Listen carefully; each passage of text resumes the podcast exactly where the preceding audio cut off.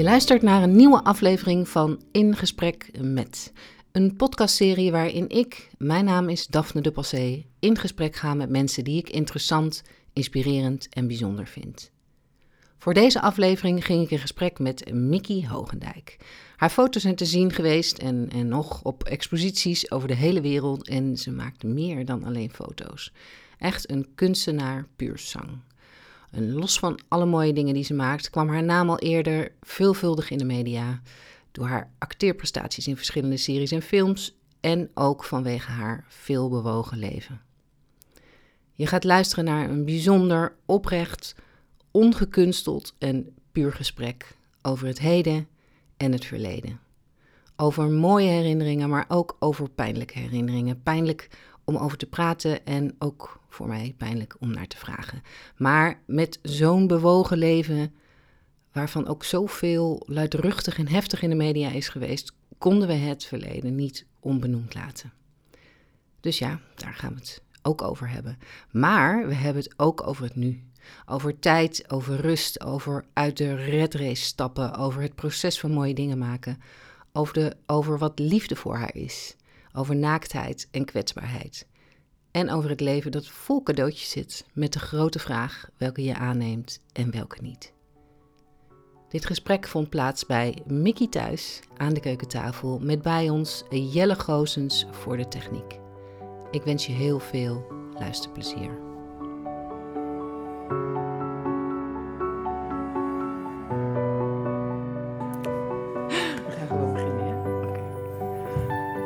Mickey. Ja, nu moet jij openen. Nou ja. Ja. Oké. Nou, we beginnen gelukkig weer overnieuw. Want ik weet gewoon niet zo goed hoe ik moet beginnen. Dus ik, ik kan wel zeggen welkom Mickey. Zal maar, ik je helpen? Ja. Het is we vandaag de internationale dag van verdraagzaamheid. Oh, Ik dacht, het is wel een hele mooie dag om een interview, een diepgaand interview met mij te hebben. want is, heb, ik, heb ik dat nodig? Heb jij dat Nou, nodig? je- je- het, het wordt van iedereen gevraagd om vandaag verdraagzaamheid te hebben. Ja, Dus bear with me.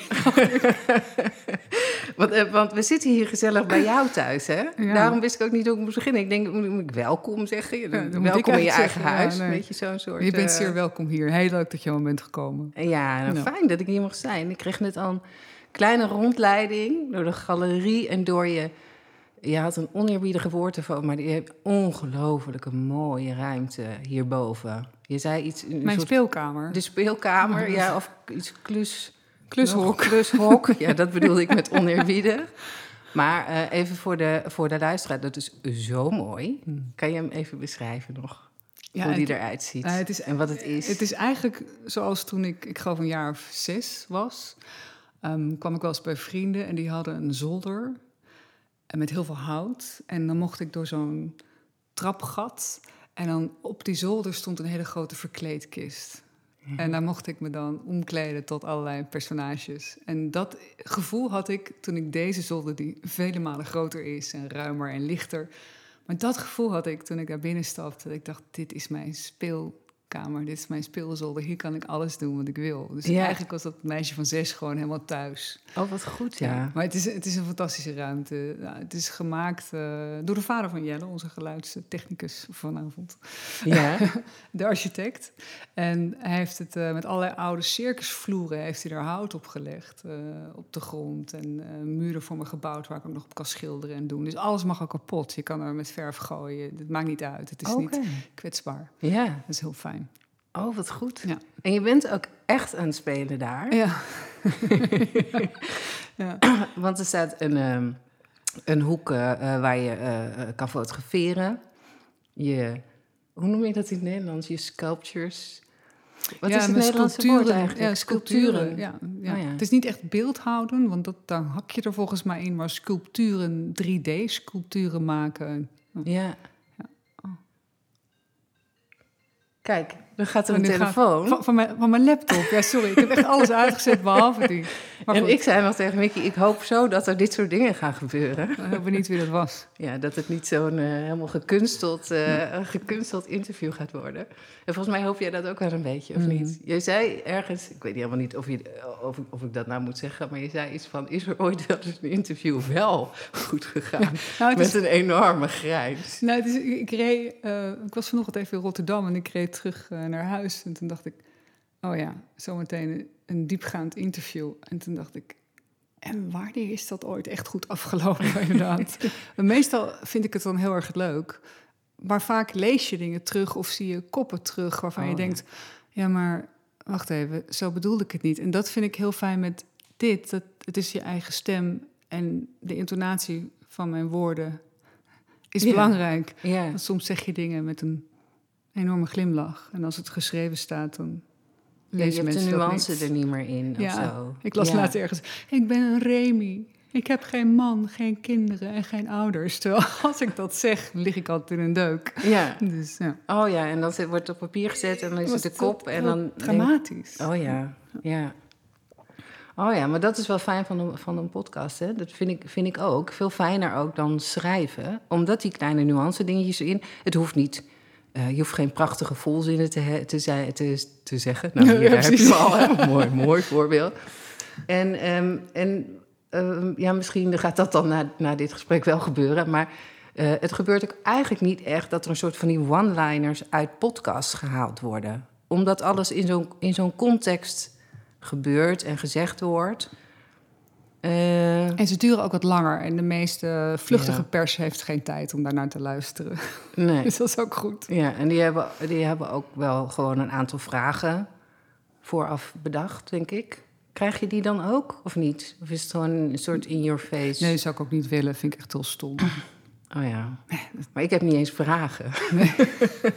dat wordt wat. Ja, dat wordt zal ik wat. jou gaan interviewen. Ja, maar ik zei wel tegen jou, want ik heb, en ik heb je zo, ik heb, ik heb je benaderd. Ik weet niet eens meer ehm, wat ik precies heb gezegd, maar ik heb een berichtje ingesproken eh, op WhatsApp bij jou. Ehm, want ik volg je al een tijd, omdat ik vind dat je echt ongelooflijk prachtige foto's maakt, met name. Toen wist ik nog niet echt van je sculpturen. en, ehm, en dat ik dacht, oh ja, maar jij hebt, jij hebt zo'n ongelooflijk leven al. Volgens mij al op je 25ste had je al een leven wat normaal eh, keer vier, wat een normaal iemand van 25 heeft of zo. En, ehm, en dat ik dacht, er is echt zoveel wat ik echt zo ja, intrigerend vind of zo. Wat ik echt, waar ik het heel graag over allemaal zou willen, zou willen hebben. Maar nu zit ik hier en dan denk ik, ja, ik heb echt wel acht, negen, tien, elf onderwerpen waar ik het over wil hebben. Ja. Pick En dan- one. Ja. ja, en oh ja, dat vind ik ook nog wel leuk. Want eh, ik vroeg je dan om eh, dat je één of twee audiofragmenten, eh, of gewoon audiofragmenten, mee kon nemen. En toen ging je helemaal los met de meest onmogelijke audiofragmenten. Ja, het is een zwart-wit film, Japans uit 1937. En daar dan... eh, Ja, maar ik dacht, ik vond het namelijk een hele leuke vraag. Want wanneer mag je nou een selectie maken van bijzondere geluiden? En geluiden zijn, er zijn natuurlijk heel, nou, er zijn heel veel mooie geluiden. Maar Ja. in je leven zijn er denk ik misschien drie of vier die je altijd bijblijven. En toen je mij die vraag stelde, kwamen ze ook meteen naar boven.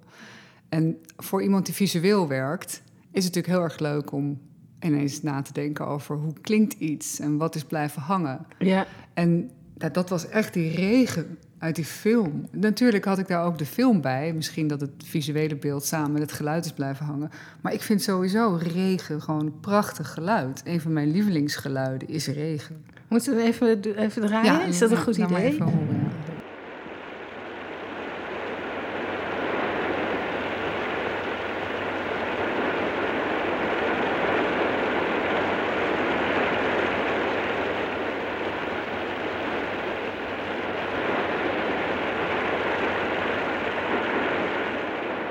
Ze staan daar op zo'n, in een Japans huis, ergens op platteland, onder een afdakje. En die moesson, als het daar regent, dat is echt heel anders dan wat we hier in Nederland gewend zijn. Komt naar beneden en ja, daar kijken ze gewoon naar. Ja. Rain at the. Gate heet de, hij heet de scène Ja. uit de film. Maar het is wel grappig, want je, hoezo herinner jij je nog dat die film er was? Nou, ik uh, was 21 toen ik naar Japan verhuisde samen met uh, Rob op school, mijn eerste man. Ja. En dan ben je nog best wel een bakvis en heel erg jong. Dus al die indrukken die ik daar heb opgedaan, die waren natuurlijk heel erg intens. Die eerste paar jaren. Sowieso is Japan natuurlijk het meest absurde land om te gaan wonen dan tegenovergestelde van hier. En culture shock, alles was anders. En als je dan ook nog die oude Japanse films gaat kijken, dan ja, dat had ik nog nooit gezien. Nee. Nooit gehoord.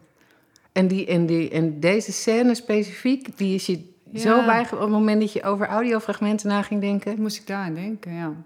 Nou, er zit een hele mooie eh, rust en beziening in uh, de Japanse cultuur. De verfijndheid van de theeceremonies, uh, de mooie stoffen, de design, ook hoe ze met elkaar omgaan. Er is tijd.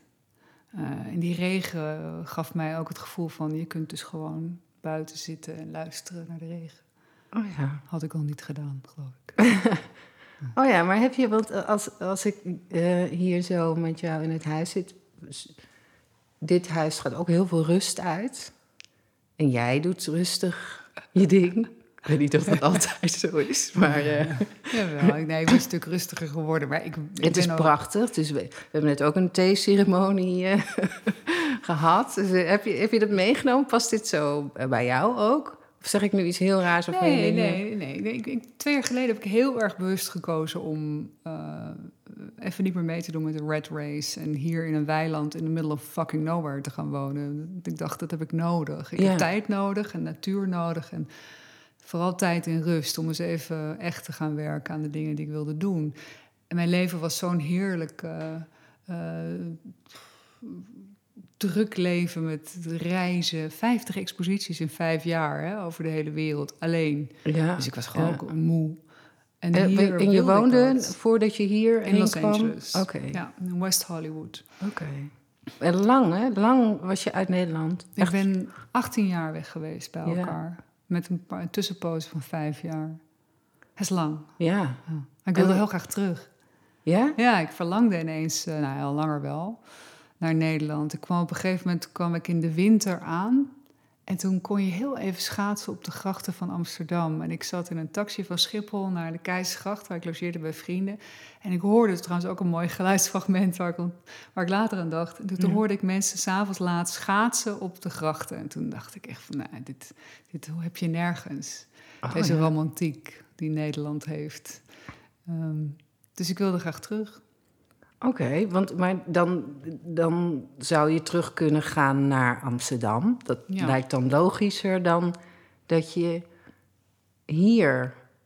nou zeg ik het heel erg. Nee, dat is je hebt we zitten bij. Eindhoven. Ja, we zitten in Ja. Brabant en ik, ik, ik, was, ik heb helemaal niet nagedacht over dat dit Brabant eh, was, eerlijk gezegd. Ik, ik zag deze plek en dit huis en ik zei, ik kom hier wonen. Een tikje impulsief. Naast heel rustig ben ik dus ook heel impulsief. Ja. En ehm, ik, ik gunde mezelf gewoon zo'n grote ruimte als dit. En ja, dat is in Amsterdam gewoon niet te krijgen. Ik heb hier 250 vierkante meter voor een prijs waar je drie hoog achter woont in Amsterdam. Ja. En, en dat had ik nodig. En, en dan maar hier. En en dan maar hier blijkt ook heel goed te bevallen, omdat de natuur zo fijn is. ja, het ik is wandel- echt, echt heel erg mooi. Ja, en er, Ja. komt hier niemand tegen. En ja, ik, ik moet nog heel erg wennen aan Brabant. En ik heb bijvoorbeeld helemaal niets met carnaval. ehm, maar, maar de mensen zijn super aardig. En ik heb steeds het gevoel dat ik op vakantie ben of zo. Oh ja. Omdat ik, vroeger moest ik elf uur vliegen met een jetlag om mijn vrienden in Amsterdam te zien. En nu moet ik anderhalf uur, nee correctie, een uur en drie kwartier, want je mag nog maar 100 rijden, eh, rijden naar Amsterdam. Maar dat geeft me wel steeds die escape route, dat ik naar mijn rust terug kan. Ja. En ik zal ooit wel weer terug willen naar die Randstad hoor. Ik heb mijn oog laten vallen op de vechtstreek en zo. Maar eh, je moet ook bouwen aan dingen. Je moet ook kunnen groeien. En ik heb hier nu gewoon echt een heel fijn, rustig plekje. En het helpt ook echt vanaf het moment dat je hier was? Of duurde het lang voordat je de rust voelde? Ik heb een jaar, het heeft me een jaar gekost om echt weer te landen. Ja, want ik was natuurlijk gewend aan een heel internationaal leven. Ja. En, eh, en dat ik, ik dacht wel van, ik kwam hier in, in het voorjaar, zag ik dit huis. Toen was alles mooi groen en lekker weer en op je blote voeten lopen. En toen kwam ik hier in oktober wonen en een maand later was het om vier uur donker. En dat was ik even vergeten. Oh ja, ja, de donkere, koude winters van Nederland. Ja, daar ben ik nog steeds niet helemaal goed in. Vandaar de zon die ik heb aangeschaft, dat kunstwerk wat achter je hangt. Oh ja. Dat is, van een, ja, is een lichte installatie van de kunstenaar. Een hele grote rode, oranje zon, een projectie. Ook een beetje Japans-achtig. Ja, of inderdaad. Niet? Japanse Ja, vlag. mooi. Niet dat ik daar aan dacht toen ik hem eh, kocht. Maar ik vond het gewoon heel mooi om de hele winter de zon Ja? in huis te hebben. Oh, wat goed, ja. En nu? Hoe gaat het nu in de winter? Want we staan nu, eh, het is november. Ja, nou, ik moet nog steeds wennen. Ik ben, Ja. wel heel erg van het eh, buitenwerken ook. Vind ik heerlijk. Ja? Ja, ramen open, deuren open, muziek aan, blote voeten, niet te veel aan. Nou, Oh, wat goed, ja. Hey, want toen je, ehm, je schetste net iets van het geluid van de schaatsen. En eh, dat, je, dat je door Amsterdam reed en dat je die, of liep, en dat je dat, je dat zag. En dat dat ook een moment was dat je dacht, oh wat heerlijk is Nederland ook eigenlijk. Of Ja. wat fijn. Of, eh, ja. Want we waren bezig met die ehm, geluidsfragmenten.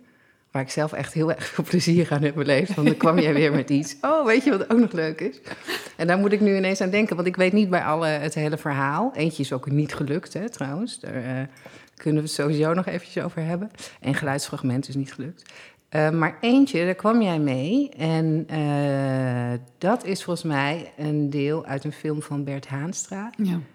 Waarbij je hetzelfde gevoel had van Nederland. Of kun je daar Ja. iets over vertellen? Of moeten we moeten we hem eerst laten horen? Kan ook. Wat je, En ik zal een klein stukje introduceren, denk ik. Ehm, ik was met Rob dus vertrokken uit Nederland. Toen was ik 20, 21.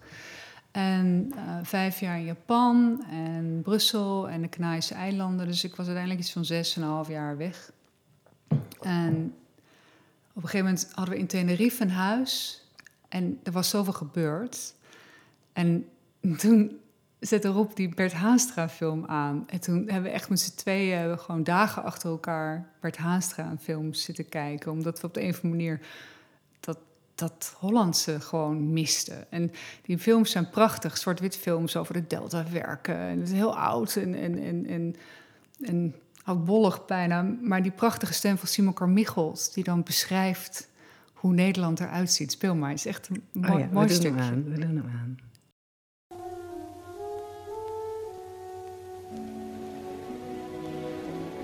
De gewone mensen lopen weer op straat.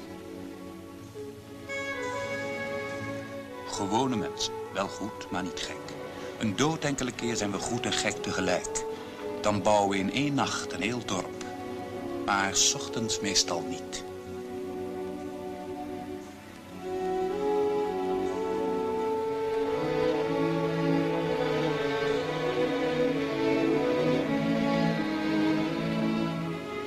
Toch gaat het er maar om dat je de moed niet verliest.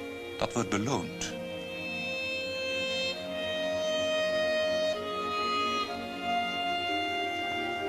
De ochtend is wel nuchter, maar heeft toch iets hoopgevends.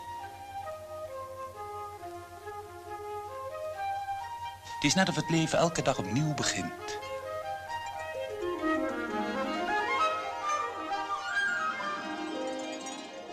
Ja. De Morgenstond heet hij. De morgenstond, ja. Uit de film Alleman uit 1963. De Ochtendstond. Ja, toen was ik nog ineens geboren. Ja. Nou, nou, niet eens geboren.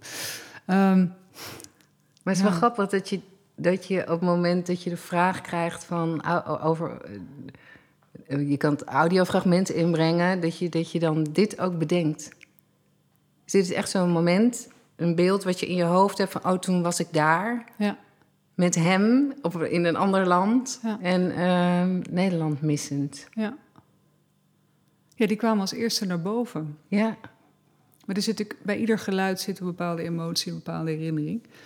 En ja, kennelijk, eh, omdat ik zo lang ben weg geweest, heeft dat natuurlijk altijd wel ergens aan me getrokken. ja, Ik vond het heerlijk, al die avonturen die ik heb beleefd. En al die culturen en het, alle verschillen. En, eh, maar dat betekent niet dat je dat het voorbij is of zo. Je bent toch wel verknocht, denk ik, aan je eigen cultuur of je eigen ik vond in Amerika heel lastig als ik dan aan tafel zat.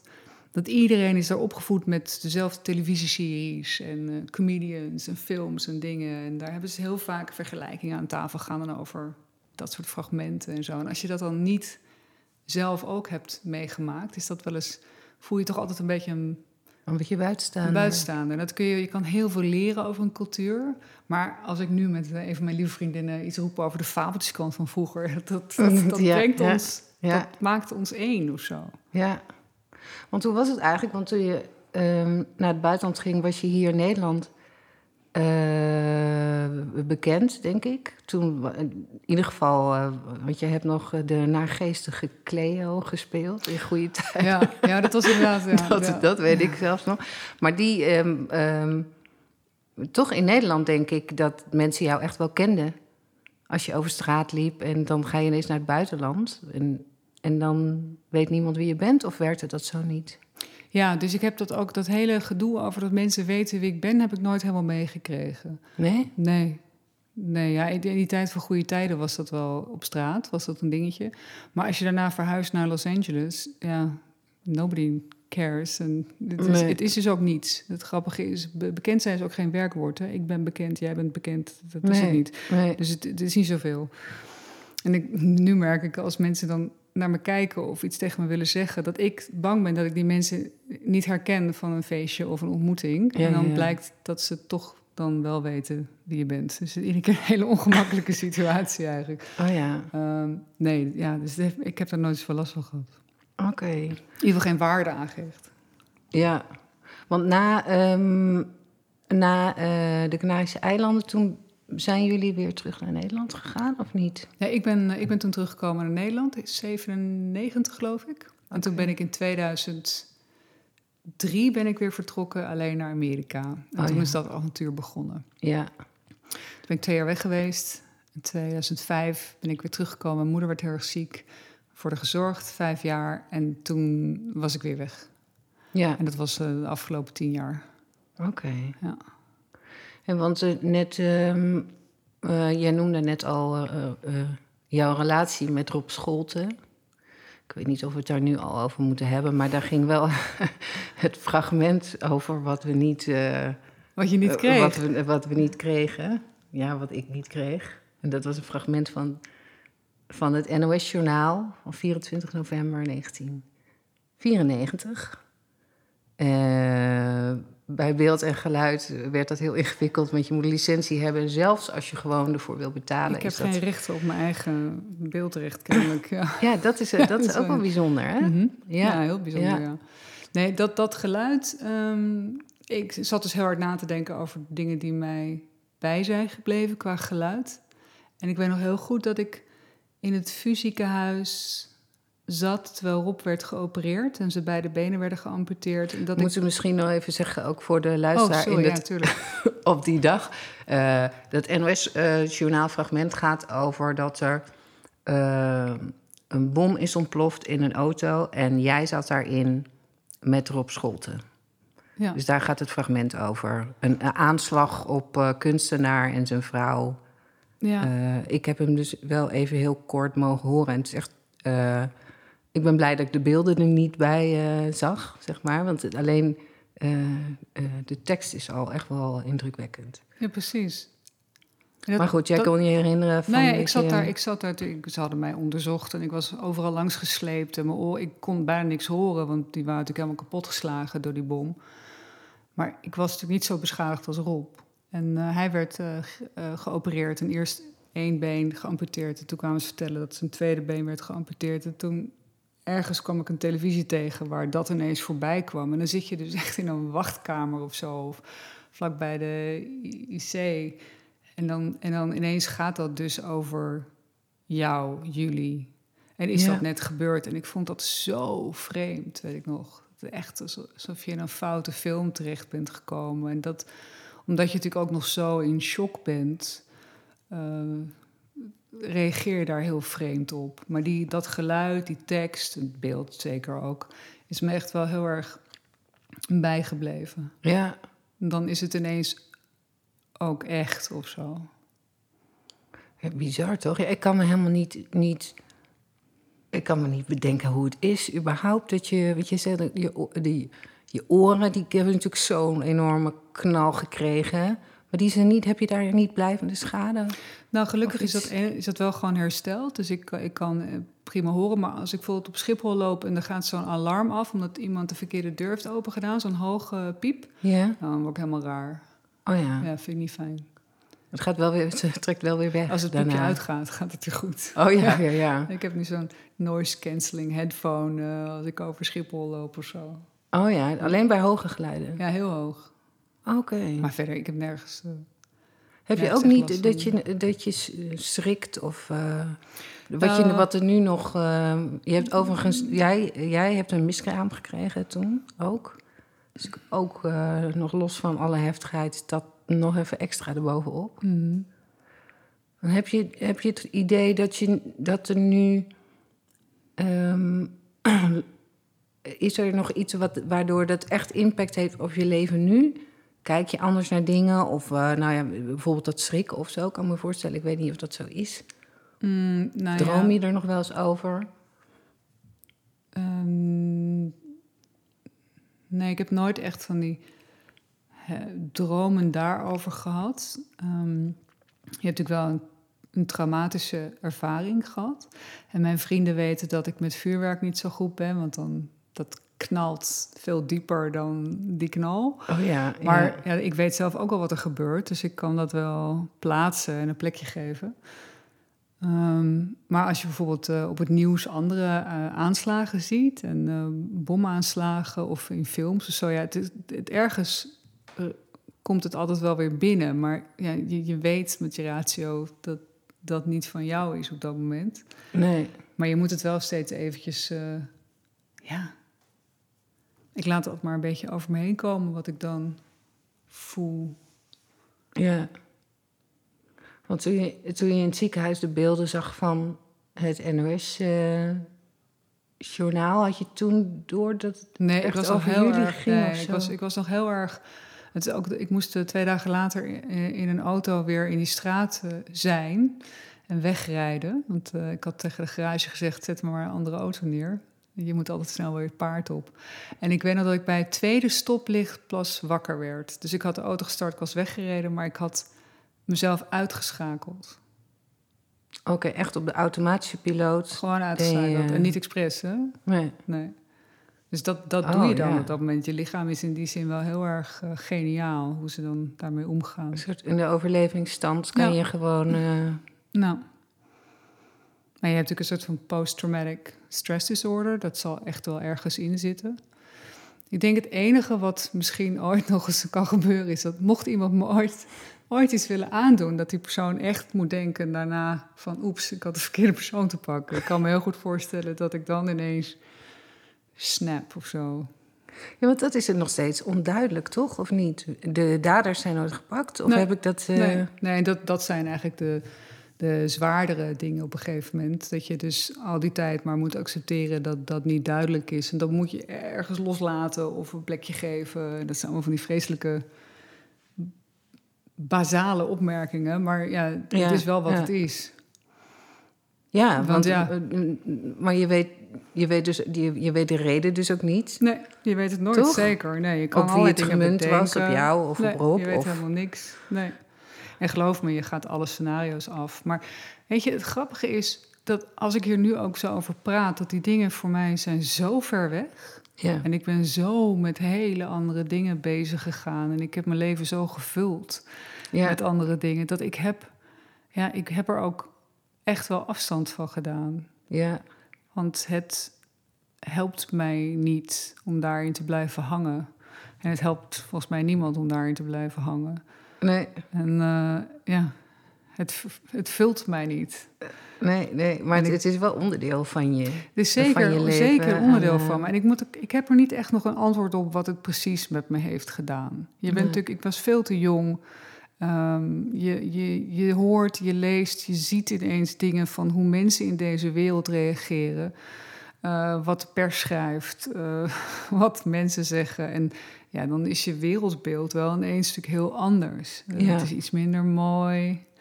en lief en schattig zoals je misschien zou willen dat het is. Niet dat ik bescherp en opgevoed, absoluut niet. Dat ik had al een aardig leven achter de rug voor uh, Rob. Maar het maakte wel dat ik dacht, ik moet vooral mijn eigen leven heel erg mooi maken. Ja. ik moet vooral mooie dingen gaan maken. Gewoon heel erg genieten in mijn eigen bubbel. Ja. Dat ben ik ook gaan doen. Ja, want ik weet ineens ook wel weer wat ik insprak bij jou. Wat, wat ook, ook uh, nog een reden was waarom ik heel graag met jou in gesprek wilde. Is dat, en helemaal als je nu uh, in, uh, met het internet erbij. Dat, dat ik echt dacht, jullie, zij heeft ook echt nogal eens de wereld over zich heen gekregen. Hè? Over uh, de, de liefdevolle buitenwereld en de grote boze buitenwereld. ik denk, oh ja, maar er zijn ook, er zijn, volgens mij zijn er echt wel na, misschien wel in die tijd of net daarna of zo, dat is echt veel nare dingen uh, nou, gezegd nee, werden. Of nee, dat, dat was zo... meer denk ik bij het tweede huwelijk of zo. Um, door de scheiding van Adam. Maar ik, in die tijd heb ik niet persoonlijk een soort van aanval van iets uh, ervaren. Het was meer gewoon de, ja, de onbenulligheid van sommige mensen, hoe ze met dingen omgaan. Ja, ja. Uh, ja. Die niet oh ja, als klopt. ik dit nu dan uit ga leggen, dan lijk ik een soort roddeljournalist. Nee, maar, nee, maar, nee, maar ik, want je was getrouwd met Adam Curry en daarvoor was hij met Patricia Pai. En dat, dat uh, um, hij is, Patricia heeft die verlaten voor jou of zo. Dat was ja, dan maar, een beetje ja, het dat beeld. Is, dat wat, is al, uh, precies, dat is al het beeld. En uh, daar begint ja. het al. Ja. En, en uh, maar dat is gewoon dat is onhandig. Maar het is ook een bepaald soort pers, wat, wat iets heel anders is dan, dan een, een diepgaand normaal interview over het leven. Het zijn natuurlijk allemaal headlines. En ja. het een wordt herhaald en het ander wordt herhaald. En op een gegeven moment is dat een ding. En daar kun je helemaal niks aan doen. Nee. En dan kun je, kun je maar beter gewoon over je heen laten komen. En zolang ja, jij bent er ook wel naam goed in dan, verkeerd spellen, dacht ik altijd steeds. Volgens mij gaat het niet echt over mij. Wat spellen ze dan? Mickey met EI. Ja, uh, EY. EY. Oh ja, oh, zorg, ja. ja. Oh ja. Nee, nou. maar ook dat, ook dat is, weet je, ja, ja. Maar wat zegt dat over mij? Weet je, dat is niet... Ja, maar dat heb je altijd wel zo uh, nou, dat kunnen leer je voelen. daarvan. Nee, okay. nee dat, dat leer je daar wel van. En als je een klein beetje met verstand bent opgevoed en eigenwaarde hebt, dan zie je het wel voor wat het is. Het kost Ja. wel even tijd. Ja, Maar nou, dat is het, goed heeft, het heeft heel weinig met te maken met wie jij bent, of hoe jij leeft, of wat, ja, wat echt belangrijk is. Ja, want er zijn denk ik veel mensen die nu uh, op social media daar echt heel veel last van hebben. Ja. Ik bedoel, daar hoef je helemaal niks uh, bekends voor te zijn, maar gewoon met dat de goede gemeente maar iets roept Ja. en iets zegt en iets doet en uh, je wel of niet ziet. Het is een, Ja, het is, het is heel lastig, maar ja, Ja. life is not a waltz. En het is nooit gezegd dat het allemaal goed zou zijn. En ja, Ik weet op school uh, heb ik ook wel een heftige tijd gehad. Weet je wel, dat je verhuist van Amsterdam naar het oosten van het land op je achtste. En dat je ineens een Amsterdamse augurk bent. weet je, van? Montessori. Ja, ik was uitgescholden en alles. Maar ik heb wel zoiets als ik nu op mijn schoolreunie kom. Nou, komt het allemaal wel goed. ja, Dus soms sterken die dingen ook. Uh, dat zijn ook allemaal wel... gewoon in de, in de tijd.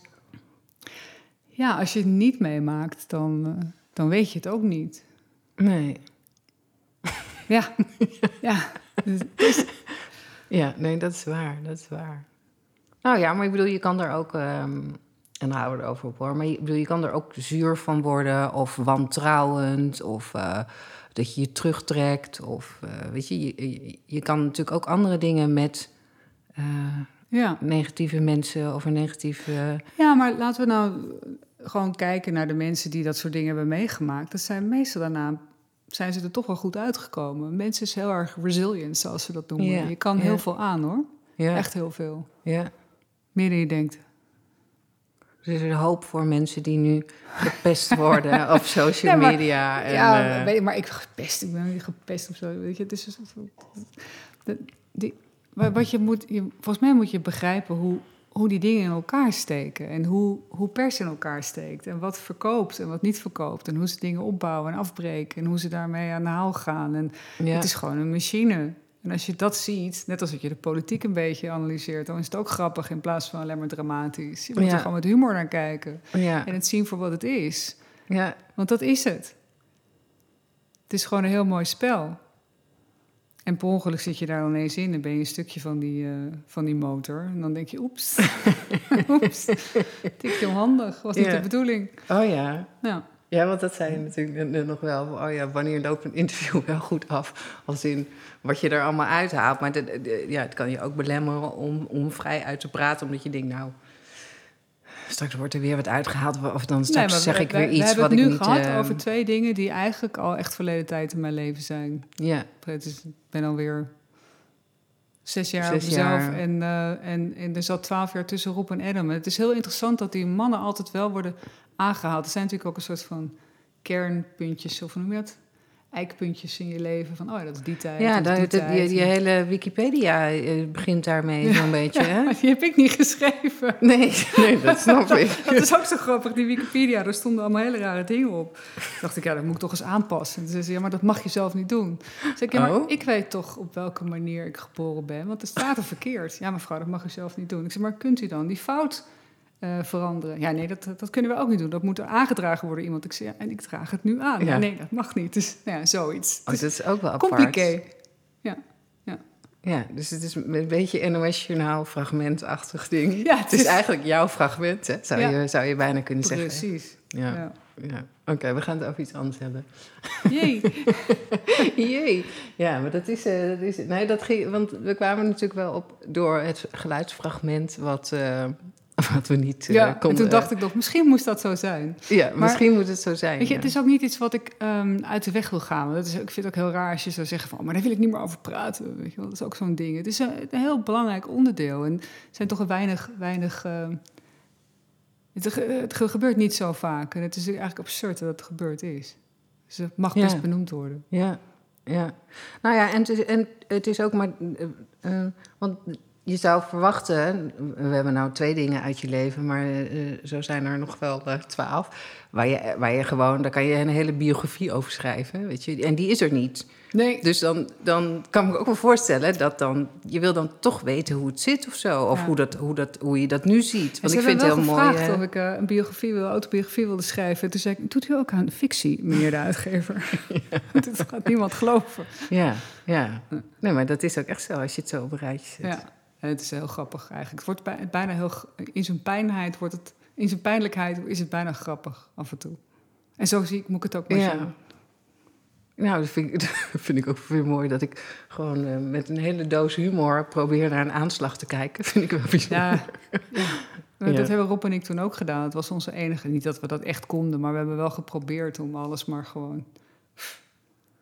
Je, Van je af te laten humor helpt enorm humor. in dat soort... Op dat, het zijn natuurlijk zulke rare dingen meegemaakt... dat we elkaar af en toe echt aankijken van... nou, dit kan toch niet? Ja, En dat je ja. dan met elkaar nog plezier kunt hebben in van al die ellende, is het wel het enige wat je dan ook nog elkaar echt gunt. Ja. Ja, bijzonder. Want ja, je, zei, je zei net even heel kort van je bent, toen, je bent in Nederland geweest, was je moeder ziek. Heb je voor haar gezorgd. En eh, wat ik gelezen heb, volgens mij was dat op je eigen site, dus dan zou het waar zijn. dat je eigenlijk bent gaan fotograferen doordat je de camera van je moeder kreeg. Ja, dat is zeker waar. Dat is waar, Ja, toch? Ja. Voor de rest heb ik niet zo heel veel. Ik heb eigenlijk alleen maar je eigen site en Wikipedia. Ja. Maar, ehm, eh, dus dat is bijna een soort toeval, denk ik. Dat Nou, als je mijn moeder had gekend, was dat geen toeval. Nee? Nee, die vrouw had op de een of andere manier had ze dat wel in de vingers. En eh, ze wilde me echt heel graag een laatste cadeau geven. Want we wisten natuurlijk al heel lang dat ze zou sterven. En op een gegeven moment was het heel duidelijk dat ze binnen een paar maanden zou sterven. En mijn verjaardag viel er nog net in. En ze wist dat ik daarna met Adam naar Amerika zou gaan emigreren. En dat wilde ze ook voor me. En ja, toen was het verhaal, wat ga ik je dan geven? En zij fotografeerde altijd wel, sowieso mij altijd. Als klein meisje, iedere achtste van de maand maakte ze een foto. Ik was enigst kind, dus ik heb veel te veel foto's van mezelf als kind. Ja, ja. Vreselijk, ik was natuurlijk haar, haar grote project.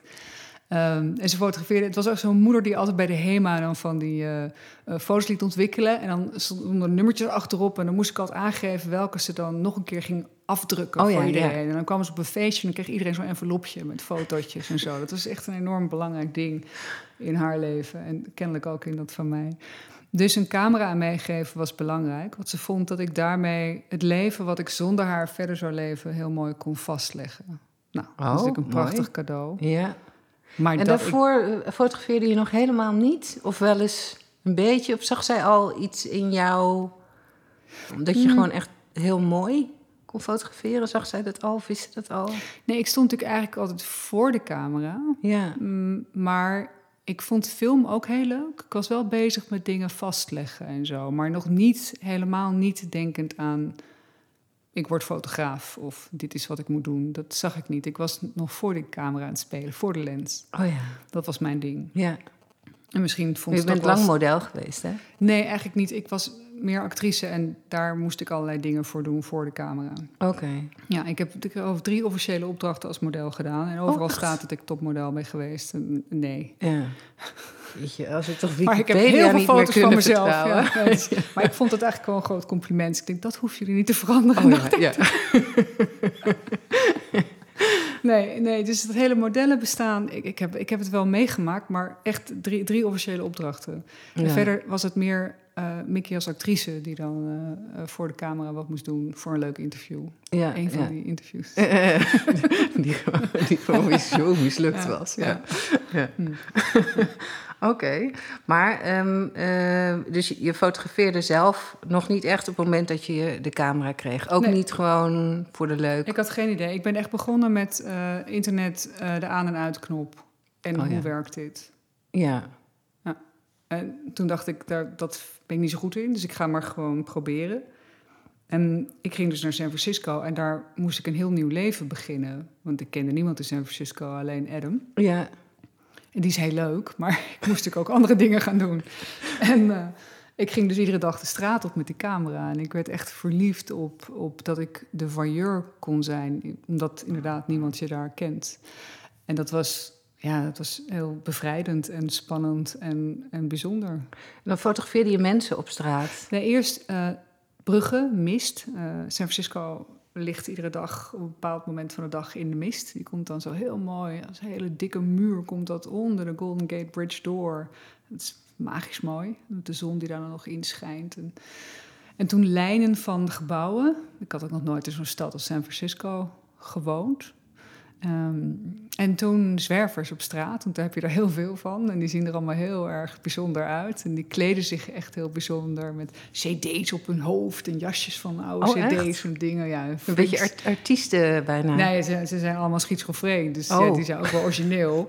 en ehm, iedereen zei van, ja, daar moet je bij uitkijken. Maar op de een of andere manier eh, ging dat heel goed. En vonden ze het wel grappig, zo'n hele lange vrouw met camera... die dan interesse in ze had. En Ehm, dan maak je echt portretten van ze. ja, want ik vond het een beetje naar om ze stiekem te fotograferen. Terwijl dat wel de mooiste foto's vaak zijn. Dus ik dacht, laat ik het toch maar vragen. En als ik het dan vroeg, dan was iets van... oh ja, I'll pose for you, baby. Ja, ja, ja. oh, oh, oké, baby. En dan was er ineens een opstootje op straat. Ja, en zo vermaakte ik me iedere dag. En dan kwam ik thuis op mijn schatten. En in het begin was dat gewoon leuk. Maar echt niet nagedacht van, dat ga ik doen. Oké, het was echt als een hobby. Ja, is gewoon... Ja. En dan, ging je, dan liet je het aan Adam zien. Ja, ja, dat was altijd de eerste die eh, mocht En, kijken. en zei die dan al van, nou, het ziet er wel mooi uit eigenlijk. Ja. Of zei die, joh, leuke, leuke kiekjes. Nee, nee, hij vond het echt... eh, sowieso vond hij, was hij heel erg lief in stimuleren van... dat ik daar weer een nieuw eh, iets kon oppakken. Het is best wel even wennen als je Ja. je hele leven omgooit. Ja. En daar, daar was hij super lief in. En toen kwamen we bij zijn eerste werkgever op Bonaire, Lex Harding. En eh, die had daar een prachtig huis gebouwd en dat mochten wij testen. Nou, dan heb je echt, hoef je niets aan te merken op dat huis. Het was allemaal fantastisch. En Het toen- huis testen. Het huis, ja, dat is een grapje. Oh. Als je een nieuw huis bouwt, dan mogen je vrienden het huis testen. Maar het is ook gewoon heel aardig aangeboden dat we daar vakantie mochten houden op Bonaire aan zee. En er was ook echt dus niets op aan te merken. Toen dacht ik, wat geef ik nou een man zoals Lex Harding, eh, die alles al heeft? Eh, nou, een fotoboek van zijn huis. En toen heb ik Oh. het hele huis gefotografeerd en alle dingen omheen. En de leguaan en de dit en de dat. En had ik Oh, zo'n- wat een mooi idee. Ja, Leuk. ja zo'n boekje weet je, wat je online kunt bestellen, gaf ik aan hem. En hij zei toen, Hogendijk, luister eens even. uh, is toch wel iemand waar je dan naar luistert. Om Lex. Ehm, volgens mij heb jij talent, daar moet je wel mee doen. En toen zei Adam die avond, zegt, als Lex dat zegt, dan moet je daar ook maar eens naar luisteren. Dan moet je echt wat mee gaan doen. En toen ben ik het wat serieuzer gaan nemen. Toen heb ik een soort van studiootje gebouwd in mijn tuin in Los Angeles. Uh, had ik een raar afdakje wat heel mooi uitkeek over uh, West Hollywood. En daar ging de zon stond daar op een manier dat ik echt het mooiste licht had. Maar het was eigenlijk gewoon in een tuin, in, een, niets iets. Um, en daar ging ik dan op een gegeven moment een doekje op hangen. En had ik een potje neergezet met uh, stiftjes en, en, dingetjes. En het breidde zich steeds meer uit. Het begon steeds meer op iets te lijken. Totdat iemand zei, oh, je hebt een studio. oh, oh, ja, kennelijk heb ik een studio gebouwd. Leuk. En daar kwam ik al mijn acteervrienden tegen uit de tijd dat ik in LA ook als actrice aan het werk was. En die zagen dat ik bezig was met fotografie. En die wilden natuurlijk allemaal een headshot. Want daar hebben ze oh. nooit geld voor. En dan kun je even mijn headshot maken. Dus ik kreeg al die mooie koppen voor mijn camera. Want die, die acteurs die kunnen wel wat. En die wilden ook naakt en zo. En daar ben ik, toen ben ik op gaan oefenen. Alleen ik kon nog niet zoveel. Dus er zaten heel veel foto's waren niet zo goed. En toen zei iemand, nou dan moet je leren Photoshop en dan kun je dat corrigeren. En toen kwam er op een dag kwam Bobby Eden bij ons thuis in Los Angeles. En zij was een groot fan van Adam's podcast, No Agenda. En al die luisteraars hadden al zoiets van... oh my god, the pornstar is coming. Dat was heel grappig. dat had niets met elkaar te maken. Maar zij was oprecht geïnteresseerd. Het ging over politiek en de zaken in de wereld. En uh, ze had haar man bij zich. En toen ging Adam haar interviewen. En toen heeft hij mij de eerste stappen van Photoshop geleerd. En in, in de porno-industrie worden al die huidjes echt perfect glad gemaakt en zo. Oh. En alles wordt ook weggepoetst. Toen kennelijk is dat ja. Dat is een soort van... In films ook? Ja, films en, en ook op foto's natuurlijk. Oh. Dus hij leerde mij als eerste hoe je borsten groter kunt maken... en hoe je tailles slanker kunt maken. En dat vind ik altijd nog wel grappig. Als ik, ik moest in Mexico in een museum een lezing geven... en toen vertelde ik dus dat mijn eerste Photoshop-technieken... geleerd zijn door mensen uit de porno-industrie. Ik ben ze nog altijd dankbaar, want ik ben, daarna ben ik helemaal verdwenen in Photoshop. Ja. Zat ik gewoon tien uur achter elkaar achter de computer te werken. Oh, echt? Uh, eigenlijk om al mijn foutjes weg te poetsen. En toen werd ik daar goed in. Toen werd je, want je, maar je foto's nu lijken heel puur. Ja, nee, nu kan ik ook iets beter fotograferen. Ja, ja, ja. maar het lijkt alsof, uh, ja, los van de, de dingen die om het portret of om de uh, dingen heen zijn gemaakt, maar de, maar de uh, ja, ik, ik, ik wou erin geloven dat er helemaal niks aan, aan geshopt was. Ja, maar dat moet je, ook. Het is wel echt ja. pure. Ja. De blikken en de... Maar die, de blikken zijn heel puur. En dat is zo, alle blikken in mijn foto's zijn heel puur. Dat is ongeveer de rode draad. Ja. Dus niemand poseert. Hoe, ga, hoe gaat het dan? Hoe gaat het in zijn... Mm, praten. Heel veel praten en zorgen dat mensen bij zichzelf komen. En dat ze de jasjes die iedereen altijd aandoet, uittrekken. Ja. En dat ze steeds meer zichzelf worden en op hun gemak zijn. En dan praten over dingen die ze raken. Oh ja, dat is bijzonder. Dus, maar dat is ook een, ook een kwaliteit. Wat je er nog bij moet hebben. Dat, dat jij dat dus met mensen kan. Nou ja, ik heb twaalf jaar method acting gestudeerd in Amerika. En daar heb ik dat allemaal moeten leren om enigszins te kunnen acteren. Uh, het enige wat je daar leert is je jasje uitdoen. Zodat je schoon bent om een nieuw personage tot je te nemen. En als je dat doet met je eigen shit, erbovenop of eronder, dan werkt dat niet. Dus daar leer je heel erg om tot een soort van ja, stilpunt te komen, waarbij je echt heel erg rustig en puur bent. Mhm. En dan kun je weer toe gaan voegen. En dat is een proces ook van praten en repeteren en dingen uitspreken, vooral je angsten uitspreken. En dat gaat was gepaard met, uh, met heftige reacties. Ja. En dat is mooi. Dus in mijn foto's zie je dat iemand met iets bezig is. Er is een gedachte. Er is een... Maar jij neemt ze mee naar dat punt. Jazeker. Ja. En zelf kan je, misschien een rare vraag hoor, maar als je ochtends wakker wordt, kan jij meteen naar jouw eigen blanco punt, zeg maar? Nou, ik, rust, ik, uh... ik, heb ook, als je, als je net wakker wordt, ben je nog best wel blanco. Maar dan zit er al wel ruis in je hoofd. Dus ik schrijf s ochtends als ik wakker word, schrijf ik in een boekje eigenlijk van drie pagina's ruis op. En, dan, en dan voel ik dat ik, wat, dat ik meer bij mezelf ben. En ruis, dat zijn dingen die, die de buitenwereld er. Nee, ruis is, ik weet niet of ik de enige ben, maar volgens mij hebben we allemaal wel zo'n stemmetje dat vaak praat. En ook wel negatief kan praten, of in ieder geval vermoeiend kan praten. Bezig is met zaken die eigenlijk niet van belang zijn, maar dat wel steeds herhaalt. Ja. Dingen waar we ons zorgen over maken, dingen van voor of in, hè, in het verleden of in de toekomst. En als je dan probeert om gewoon hier te zijn, dan is er niks aan de hand. Maar dan moet je dat soms moet je het opschrijven of tegen iemand vertellen. Ja. Dus ik moet ook werken. Anders word ik ook gek van deze wereld. Ja, toch? Ja, jezus. zeker nu. Jezus. Ja. Ja, zeker nu in deze tijd. Op de dag je, van verdraagzaamheid. Oh ja, moeten we het daar ook nog even Nee. voordat we over je... Straks weer. We gaan het niet Ja. hebben over corona en deze tijd. Nee, maar ja, het is, dit is natuurlijk een enorm... enorm eh, er wordt heel wat van ons ge- gevraagd om dit, om dit de goede banen te leiden in je eigen psyche. Dit is gewoon een hele rare tijd. Alles waar je van houdt, de dingen die ons vrolijk maken en ons afleiden, die zijn weg. Dus je krijgt een enorme spiegel en je, je moet echt even in die stilte gaan zitten. Ja. En dat vindt niemand echt leuk, want we houden allemaal van afleiding. Ja. Ja, het is de afleiding die... eh, eh, ik had een eh, podcast met Rick de Leeuw. En die had daar een heel mooi iets over. Maar die zei inderdaad ook dat... hoe zei hij het ook alweer? Als je, na, eh, als je over vijf jaar terugkijkt op de tijd nu... dat dat eh, zou kunnen helpen om, om te kijken hoe je het nu doet. Of je, of je het eigenlijk wel doet zoals je zou willen dat Ja, je het doet. Of, terwijl, of je kan reflecteren Ja. op je gedrag nu. Ja, Omdat je inderdaad ook ja, daar moedeloos van kan worden. Ja. Of eh, eenzaam of eh, wat dan ook. Een vriend van mij die zegt altijd heel hard als er iets aan de hand is in mijn leven, zegt hij, je moet het er maar mee doen. ja, ja, ja, ja. En dat vind Ja. ik zo'n heerlijke opmerking, want het zet me altijd weer op een soort van nulpunt. Dat ik denk, hij heeft gelijk ook, want je moet het er maar mee doen. ja. En dat heb ik in mijn verleden met al die andere dingen ook gedaan waar we het net over hadden. Ja, dat is eigenlijk nu ook weer van, ja, je, Het is je niet kan er niet tegen vechten. Ja. Maar doe het dan in ieder geval zo dat je straks het gevoel hebt dat je er iets mee gedaan hebt. ja. Eh, oh, dat klinkt ook zo zeikerig wat ik nu zeg.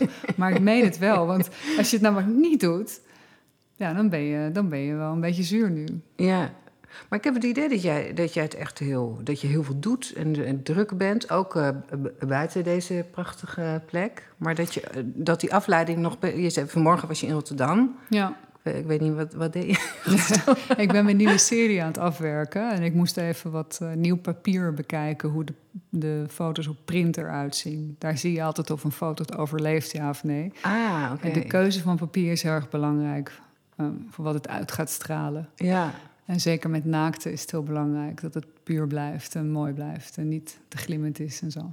Oké. Dus daar was ik mee bezig. En nee, ik, ik, ik heb ook besloten, een van de voornemens die ik dus had, van ze kunnen wel zeggen dat ik niks mag doen, maar dat ga ik dus niet doen. Ik ga wel zo gepast als het gaat en aangepast als het moet, blijf ik wel bewegen. Dus ik blijf wel mijn dingen doen. ja.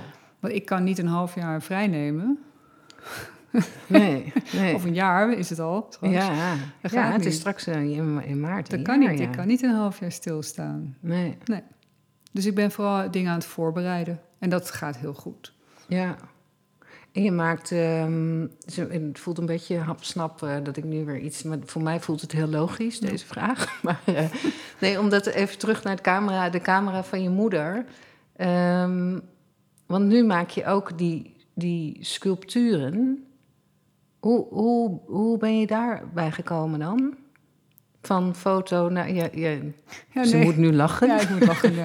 Ik heb een grijns. Maar is dat, Nee. is dat, heeft dat ook zo'n soort toevallige, nou ik noem het geen toeval, maar Nee, een soort toeval invalshoek? Is, toeval is, eh, is wat ik graag aangrijp. eh, als dingen toevallig gebeuren, dan denk ik, ja, dat is belangrijk. Daar moet je naar kijken. Oh ja. En eh, ik wilde...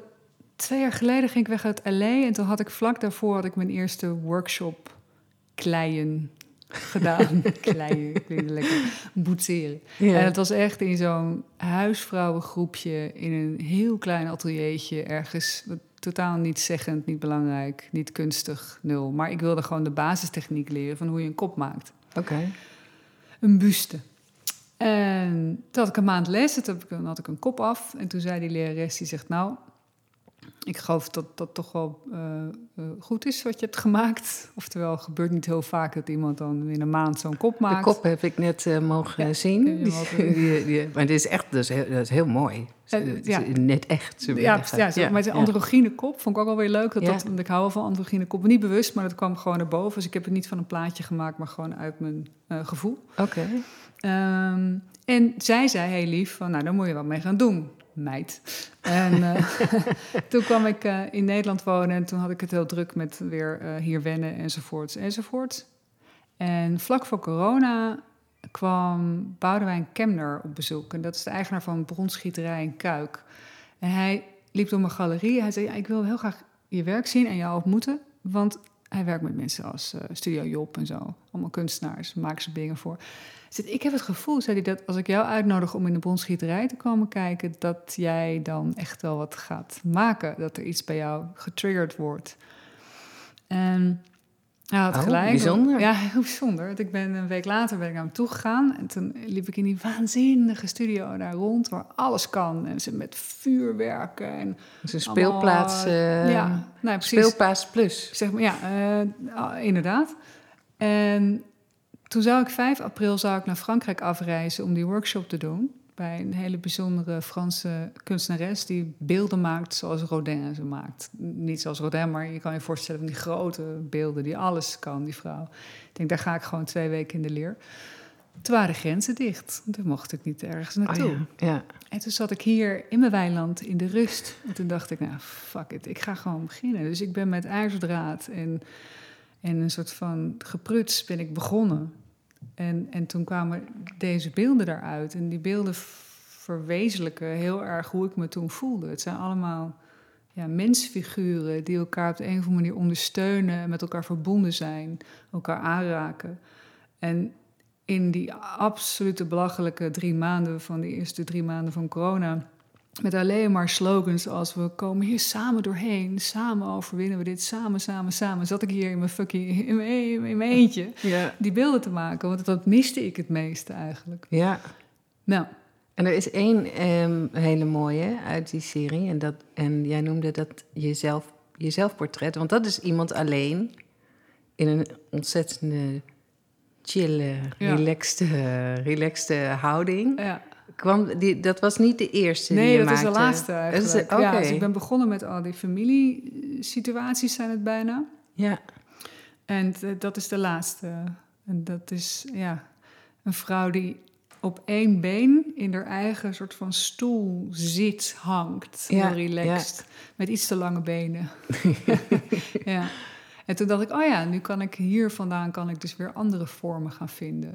Dus ik, ik, dat heeft me gegrepen. En sowieso het maken van bronzen beelden is heel bijzonder. Want je moet je fragiele werk, wat van klei gemaakt is, een ijzerdraad, lever je af. En dat wordt dan kapot gemaakt om vervolgens in mallen... eh, wasmodellen worden er gemaakt, mallen worden er gemaakt. Daar, dat gaat in de oven. Dan komt eh, dat bronster wordt erin gegoten en dan moet dat stollen. En ineens staat natuurlijk een, een heel zwaar, grof beeld... wat je dan weer helemaal moet afpolijsten tot iets dus heel veel stappen. Ja, Ja, en dat is, want je gaat dus eigenlijk van iets zachts... wordt het ja, in een soort van oorlog en dan krijg je het weer terug... ja. met dezelfde zachte uitstraling, maar dan van hard brons. ja mooi hè? Ja. Ja, ik vind het echt fantastisch. En ondertussen kregen we net een seintje dat we best wel een beetje Zijn in de tijd zitten. Idioot, hè?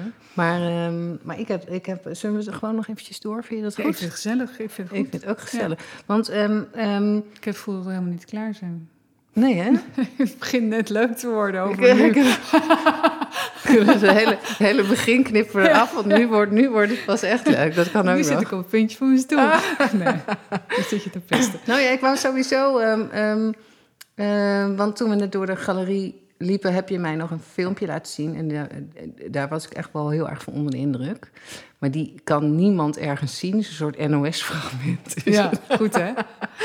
Maar, ehm, En ze kunnen het hier in de galerie komen bekijken. oh ja, ze kunnen, want ze- mensen kunnen hier wel komen. Ja, maar wel op afspraak. Want anders heb ik de hele dag mensen aan de deur staan en dan kom ik nooit aan werken toe. Dus Oh ja, Please. en dan is het weer met een maximum. eh, Ja, maar goed, het is wat net het maximum is. wat dan, eh, dat moment mag. Maar ja. ik had hier laatst ook gewoon een opening. Het is hier zo groot dat je kan prima gewoon dingen Ja. schuiven. Ja, En ik vind het ook prettig dat ik gewoon mensen zelf kan spreken. Dat ik ze echt iets uit kan leggen en kan laten zien. Ja, Vaak zijn het gewoon oprecht geïnteresseerden, geen dagjes. kijkers. oh ja, dat kan natuurlijk ook nog. Ja. Die gewoon die eventjes langs. Of die hier tegenover eh, bij de gasterij slapen. Ja, ja, maar ook. dan is het wel weer leuk. Weet je? Dat zijn mensen die sowieso hier aan het wandelen zijn of zo, relaxed. En zo vaak gebeurt dat niet. Maar ik kan Ja, niet de hele ja. dag die deur open hebben... en dan kom ik niet meer werken toe. Nee, dat snap ik. Nou, ik, zal, ik zal sowieso je website in de... Wat is het? Stu- studio Mickey Ja, Hoogendijk? Ja. Oh ja, com. En dan kan je gewoon een afspraak maken. Ja. En, eh, en dan kunnen ze het filmpje zien. Ja. Want ik was wel echt onder de indruk eh, eh, van... Ook omdat ik helemaal niet had bedacht dat je zoiets zou maken of samen zou maken. En, eh, maar wil je er iets over zeggen? Ja, ik had een. Er was een, een beurs en het thema van die beurs was liefde. En toen wilde ik een installatie maken die daarmee te maken had. Het werd opgedragen aan de Hartstichting. En toen dacht ik, ja, oké, iets over de liefde. Pathetisch kan dat worden. Hoe ga ik dat invullen?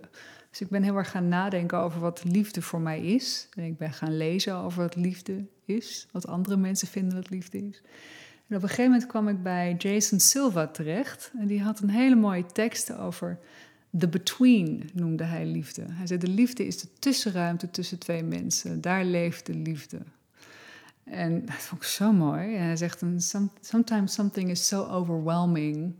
dat je bijna niet kan geloven dat het echt zo mooi is. En volgens mij, als je heel erg verliefd bent en heel erg van iemand houdt... dan heb je ook zo, "Ah, het kan niet mooier. Weet je, dat Ja, overweldigende gevoel wat het met zich mee kan brengen. En toen dacht ik, oké, maar waar, hè, liefde wordt ik altijd alleen maar over relaties nagedacht. Dacht ik, maar waar zit dat dan nog meer? Waar, waar heb ik dat gevoel nog meer? Dat heb ik in de natuur. Als ik Ja. iets zie wat zo mooi is, dat ik echt denk, wauw, weet je, ik liep hier laatst rond op een ochtend en toen was er mist en alles was roze. Nou, je weet helemaal, zo mooi is het dan, dat. Ja, ja. Ehm dus ik, dat wil ik vastleggen. En een goede vriend van mij, Frits de Beer, eh, fotograaf, filmmaker, die kwam op bezoek en ik besprak dit met hem. Ik zeg, ja, wat moet ik daar nou mee? Toen zit hij, nou, je moet dit keer jezelf als muze gebruiken. Als het over de liefde gaat, moet jij het model zijn. Ja, maar hoe gaan we dat doen dan? Hij zei, ik help je wel, ik heb een drone. Ik zeg, ah, een drone, dat betekent ver weg. Ja, ik zeg, ah, oké, want ik ga niet in een bikini naakt in de wildernis liggen. Dat ziet er niet echt kunstig uit. Dat moet dan wel inderdaad naakt. Want je had, het, moest, het moest in de natuur. Nou, ni- ni- niets en moest, maar ik wilde naakt. dus in dat de natuur. had je al bedacht, die ja, twee. eh, Nou ja, mijn liefde voor de natuur en de connectie met de natuur eigenlijk. En met water en dat soort dingen. Ehm, maar in mijn fotografie zie je dan nooit eh, eh, een broekje of een kleedje of een dingetje. Want dat vind ik enorm afdoen aan wat ik wil vertellen. Dus naaktheid is voor mij heel functioneel. Maar ook echt wel het begin van die kwetsbaarheid. Ik, ik, ik, mensen met kleding aan zijn voor mij veel minder kwetsbaar. Of je moet het juist gebruiken omdat je een verhaal wil vertellen. Maar als je niet een specifieke tijd wil vastleggen of een, hoe, hoe iemand is, eh, hoe iemand leeft. Alles wat ik aandoe maakt mij tot een bepaald personage. Maar zonder dat ben ik poëzie. Althans, eh, ieder naakt model voor mij. Dus ik was er nog net geen 50. Ik denk, nou, oké dan. en toen zijn we dat dus samen gaan maken. En dat was zo waanzinnig. Eh, Ergens in Bergen aan Zee kwamen we toen in zo'n duinpan. En we zijn over het prikkeldraad heen gestapt. Excuseer eh, natuur, eh, natuurbehoud. Dat hebben we gedaan. Want het moest, vonden wij. Ehm, en daar heb je zo'n prachtige zandduinpan waar niemand is, wat heel groot is. En Frits laat die drone op en ik trek mijn kleren uit. En dan ben ik dus gaan dansen in het zand, maar dan kruipen in het zand. Want ik wilde eigenlijk een schilderij maken van de liefde, of van het leven eigenlijk. Want de liefde heeft ook, ook erg te maken met alle dingen die je in je leven meemaakt. Het aantrekken, het afstoten. Het is natuurlijk niet alleen maar mooi. Er zit ook heel veel pijn tussen. Volgens mij, altijd als je verliefd wordt of houdt van iets of iemand, doet het ook uiteindelijk pijn. Het is onlosmakelijk met elkaar verbonden. Dat maakt het ook zo bijzonder. En toen hadden we die film opgenomen. En terwijl we hier aan deze tafel aan het editen zijn, zet ik per ongeluk een verkeerd nummer op. En dat was het lied uh, Vrijmen van Wende Snijders. En Frits en ik die keken echt van, nee, dit is absurd, dit is voor elkaar gemaakt. Tot op de seconde klopt het bij elkaar. Dus uiteindelijk heb ik haar toestemming gekregen om dat voor dit filmpje te mogen gebruiken. En dat nummer, ja, Vrijmen voorbij de angst, dat is ook letterlijk wat liefde eigenlijk is. Als je met iemand versmolten raakt en met iemand die vrijheid hebt om te vrijen, dan gaat dat ook voorbij alle angsten. En ik denk dat we dat daarom zo fijn vinden. Dus ja, voor mij een uh, heel, heel persoonlijk uh, Ja. werk. Ja. Uh, buiten dat ik, dat ik daar gewoon naakt ligt rollen. Maar Ik dat- had overigens niet door dat jij het was, hè? Ja, ik zeg het ook heel vaak eh, niet. Nee. Dat is Het niet belangrijk. is- het- nee, het is gewoon een mooi, een mooi lichaam wat er in het zand... eh, ge- het is echt dansen trouwens. Ja, ik heb vroeger gedanst, maar ik heb niet. Het, het is, ja, het is niet dansen zoals mensen zouden denken dat dansen is. Maar het is wel, je ziet wel dat het iemand is die gedanst heeft. Ja, ja. Dat is gelukkig maar, want anders zou het heel erg knullig eruit zien, denk ik. Ehm, maar het heeft er iets gracieus Je bedoelt dat ik het niet Nee, dat weet ik niet. Ik weet niet hoe jij danst. Nee, graag. Maar ik weet wel dat ik dat niet aan iemand anders had kunnen vragen om te doen. Ja, het is echt van jou. Ja. Het is echt jouw... eh, Maar als ik, als ik het zie, of als ik met mijn... Want ik heb er ook een aantal foto's uit, eh, uit stils uitgenomen... die dan nu als fo- foto's eh, verkocht ook worden. En dan heb ik het altijd over haar. En mijn printers hebben het ook over haar. Terwijl ze weten allemaal dat ik het ben. Maar we hebben al afstand genomen van het feit dat ik het ben. En dat vind ik het belangrijkste. Dat je dat... Je Ja. gebruikt zoiets, ja, maar daarna is het los. ja, Want mensen kopen dat werk en dan gaat het niet om dat ik het ben. Totaal Nee. niet belangrijk. want, de, want de, eh, deze... eh, ja, je noemt een film, dan doe ik het weer eh, te kort, Ja, het is zeg een maar. Het is, een, eh, het is een film van En dan, minuten. maar, maar kunnen mensen die ook kopen? Of hoe, hoe werkt dat? Of wordt, wordt die... eh, Nee, de, als- de film is te koop, maar er zijn er maar drie van. En ja, het is ja, Het is een hele mooie box, een Mirror TV box heb ik ervoor ontworpen. Die van voor, achter, zij glas is. Het lijkt een spiegel. Dus die staat eigenlijk als installatie staat die ergens. En dan Ja. zet je hem ineens aan en dan zie je dat vrouwfiguur dansen. En dan Ja, kan het met ja. en zonder muziek. Ah, nu Ja. snap ik hem, ja. Ja, mooi hoor. Maar dit is... Dit was ja, dit toch weer een beetje een soort van bijna toeval. Dat het dus iets... Maar je bent gewoon heel erg goed in dat pakken van wat op je pad komt. Ja, het- het- het- al die dingen zijn zogenaamd toevallig, maar het gaat erom dat je. eh, in je leven komen er heel veel dingen voorbij. En ineens gaat er ergens een deurtje open. Je moet gewoon heel erg waak zijn, althans waak, oplettend zijn. Ja, Dat dat het deurtje is wat je moet pakken, dat je daar doorheen moet. ja. Want, want ik kan het allemaal niet zelf verzinnen of zo van tevoren. Ik laat het ook gewoon heel graag gebeuren. Het is hetzelfde als dat je, als je surft op een mooie golf.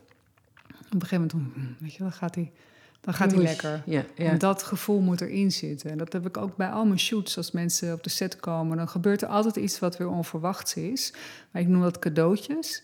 En soms is dat de essentie van de hele shoot. Terwijl ik het wel al gedroomd heb, maar toch krijg ik altijd nog extra dingen die ik niet had kunnen bedenken. Oh ja. Maar die moet je wel zien. Ja, precies. Je moet, je, je, je, je moet, je moet ervoor openstaan, anders zie je het al niet eens, denk Nee. ik dan. Maar het- en je vindt het denk ik ook wel leuk dan. Net zoals bij zo'n hartstichting, dan ga je verdiepen in het onderwerp. Ja, vind ik heel leuk. en dan vind Ja, je het ja. ook gewoon leuk dat er iets gebeurt. Of dat, Ja. dat er iets tot je komt. Of, eh, Ja, en dat ik dan ook net die, die avond met Fritsje zit te eten... die dan roept, ik ga je helpen. ja, Dat zijn allemaal dat zijn cadeautjes. Hij was echt een cadeautje. ja. Ja, bijzonder hoor. Ja. Mooi. Het leven is gevuld met cadeautjes. Je moet alleen weten welk cadeautje je aanneemt. Boeddha zegt daar iets heel moois over. Die zegt, als iemand je een cadeautje geeft... en je neemt het niet aan, van wie is het cadeautje dan? En je neemt het niet aan. Ja. Dat is de andere kant. Oh ja. Misschien is het cadeautje wel in de in-between ruimte. Nee, nee, maar ja, ik vond, vond het echt een heel mooi gezegd. Ja, ja. Het gaan, sommige mensen leggen je dingen op, of die zeggen dat dingen zo zijn, of die pushen iets van hen jouw kant op. En als je dat gewoon niet aanneemt, ja. dan is het, laat je het bij hen. En dat Ja. is eigenlijk het antwoord op waar we het in het begin van het interview over hadden. Al die dingen die gezegd worden en die benoemd worden en wat mensen allemaal niet vinden. Dat is hoe ik erover denk. Ja. Ja, mooi is dat. Ja, vind ik echt mooi. Ja. Als Boeddha het zegt. Ja. ja. die zei het al net iets mooier, waar jij echt een kwartier over deed. Ja. Kom Boeddha gewoon in. Ja. ja, geweldig. Ja, ik vind het een fantastische uitdrukking. Ja, dit is mooi, ja. ja. Ja, want we hadden, we hadden ook nog heel veel, eh, nou, in ieder geval nog twee Oh, we geluidsfragmenten. ze we helemaal hadden, vergeten. ja. Als je ik dan, zo, als je ik dan nog, je zo laten werken. Ja, we kunnen het ook nog over iets anders hebben. Gewoon je als jij nog? denkt van, dit is sowieso één onderwerp, hebben we het niet over gehad. We hadden nog eh eh muziekmozaïek. Oh, ja. Ja, het is wel leuk. En wat dan meer? Ja, en, de, en de paarden van de buurvrouw. Oh, ja, want jij wilde laten horen hoe het hier klinkt. Je zei, hoe klinkt het bij jou over ja, geluid? Ja, ja. Ja, die zullen, zullen we daarmee afsluiten? Ja, dat is wel mooi. De paarden is een mooie... Is een, eh, dan, daarmee kan Jelle gewoon... Ehm, Ja, maar dat die is wel mu- mooi, muziek, muziek is wel leuk. Wil je hem even horen? Kun je Ja. nog kijken of je daar iets over wil zeggen? Even kijken. Louis van Dijk, John Vis, allemaal waren ze het erover eens dat Mary een heel zacht, zoet gevoiced geluid had... wat zich eh, apert leent voor het zingen van late night ballads. En wie dat in hoge mate vond, was de man met wie we dit programma begonnen... de kleine Belg, daar is hij weer, Jean Toets Tielemans... die zo enthousiast werd dat ze samen de studio ingingen... en een werkelijk prachtige vertolking in één keer, zonder welke repetitie dan ook opnamen van Easy Living. En dat is eigenlijk een liefdesverklaring van Mary aan mij. Toets speelt er alleen gitaar op, geen harmonica. Maar ik denk dat dit stukje elke luisteraar als muziek in de oren zal klinken. En zeker de 65-jarige Willem Duis. Zonder enige twijfel. Living for you is easy living, is easy to live when you're in love,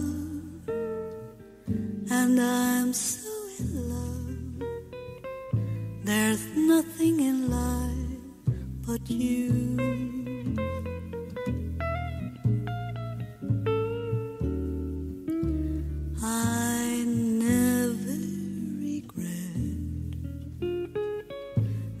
Years I'm giving. They're easy to give when you're in love. is ook echt mooi om mee af te sluiten. Wat een prachtig... Ja, het eh, is ook echt heel... Weet je, mijn moeder, die had een soort van zondagochtendritueel met mij. En dat was ontbijt, wat ze maakte met croissantjes uit de oven... een zacht gekookt eitje, een cappuccino... eh, jam, boter, alles stond dan op tafel. Met mooie servetten. En een verse jus d'orange die werd uitgeperst. En dan Willem Duis op de Oh achtergrond. Want Ja. die had iedere zondagochtend zo'n jazzprogramma. ja, En daar ben ik gewoon mee groot geworden. Met Cleo Lane, Julie London. Dit soort muziek, dat luistert mijn moeder altijd. En ja, dat heeft ze me gewoon ingegeven. Dus nog steeds is dat muziek die ik gewoon heel erg fijn vind. Daar kan Ja? ik echt bij wegdromen, ja. Zet je Ja. ook vaak op als je Heel hier thuis vaak, bent? ja, ja, ja, ja, zeker, ja. Oké. ja. En Joni Mitchell. dat soort dingen, ja, Oh zeker. ja, ja. Ehm, ja, vind ik, vind ik prachtig. En ik, ik luisterde ook nooit naar de gewone commerciële radio eh, vroeger. Echt totaal niet. Ik luisterde naar dit soort dingen. ja. En nu nog steeds, eigenlijk. Ja, ik vind het de rest allemaal anders. Hoe zeg ik het? Als je wat je ook nu gaat zeggen, dat gaat eruit gehaald worden en komt weer in grote letters. Nou, nee, ik ben gewoon, ja, vind, ik- vind ik gewoon anders. Ik vind dit heel fijn. Het doet me ook echt heel erg aan die tijd denken. Ja. Oh, mooi. Ja, ja, dat was echt iedere zondagochtend. En toen mijn moeder doodging, vond ik honderden cassettebandjes. Waar ze al die afleveringen op had opgenomen. Oh, serieus? Ja, dit mooie Barbara Streisand dit en Julie London dat. En honderden cassettebandjes. Heb je die nog? Nee, dit, ik, ik, nee, ik had het als kunstwerk moeten bewaren eigenlijk. Maar in die Ja. tijd waren we al in de cd's. Ja. Oh, leuk. Mooi zeg. Ja, ik ben helemaal niet zo van dit soort muziek, maar dit nummer, Ja. hè, toen de fragmenten eh, eh, gingen opzoeken, dit vind ik zo mooi. Mhm.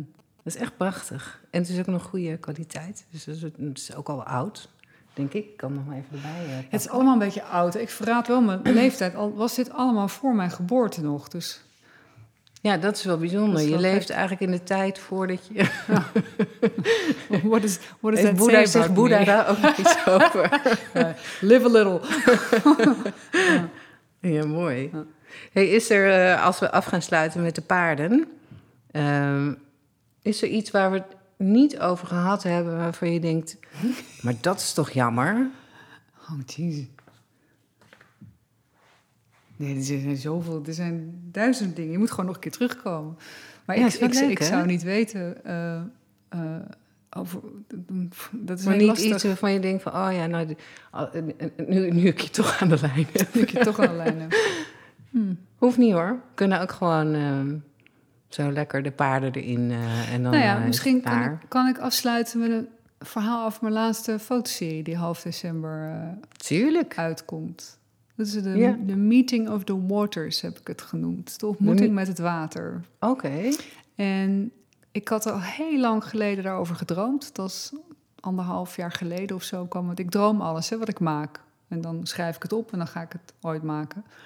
En Oh. ehm, ik had gedroomd over dat ik dus eh, zo'n zeilboot wilde huren om me dan plat te leggen op de Waddenzee. En daar wilde ik met een aantal vrouwen, naakte, naakte vrouwen, gaan werken. Om vergezichten, mooie horizons vast te leggen. Met daarop de vrijheid van die vrouwen.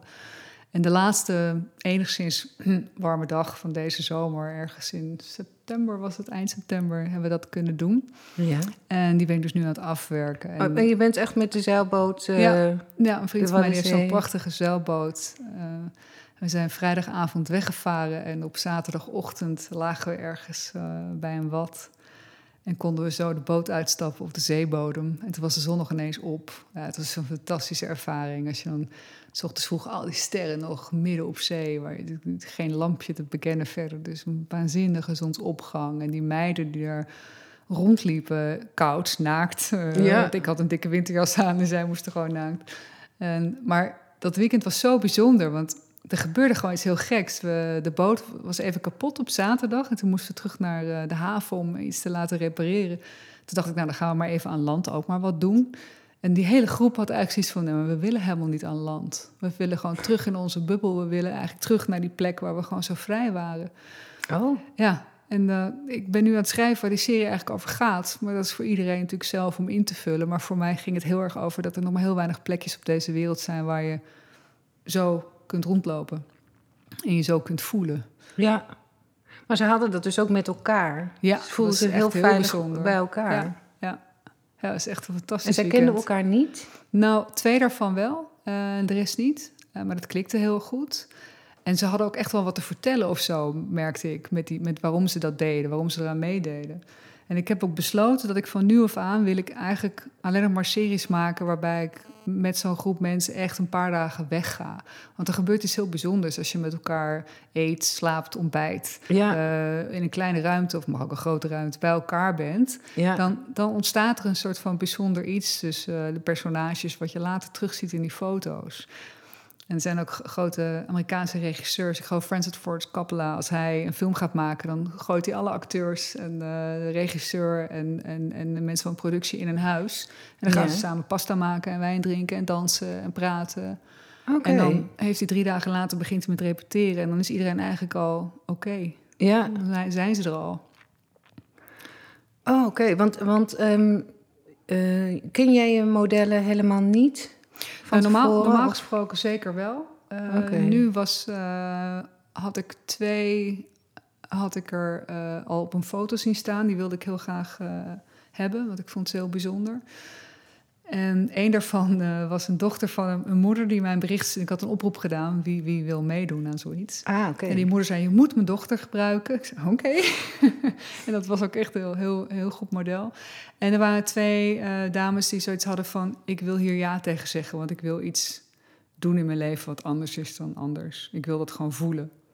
Ik wil dat gedaan hebben. Oké, iets van En- een beetje ter overwinning van zichzelf bijna. ik denk Of, het wel, eh, ja. Ik denk ja. sowieso dat het altijd wel een ding is... als je jezelf zo laat fotograferen. Ja. En dat was heel mooi. Het zijn verschillende leeftijden, verschillende, hele verschillende vrouwen.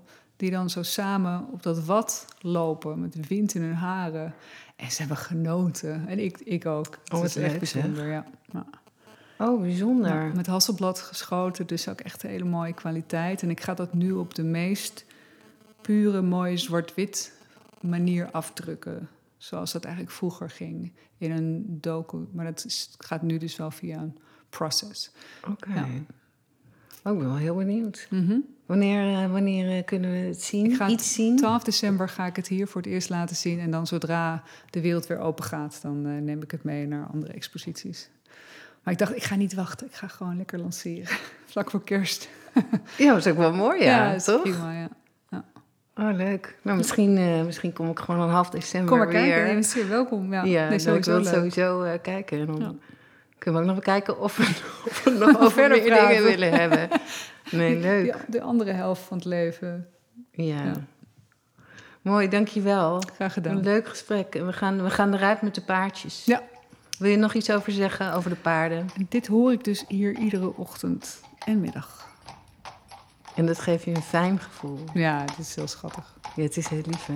Nou, we gaan eruit en eh, super bedankt.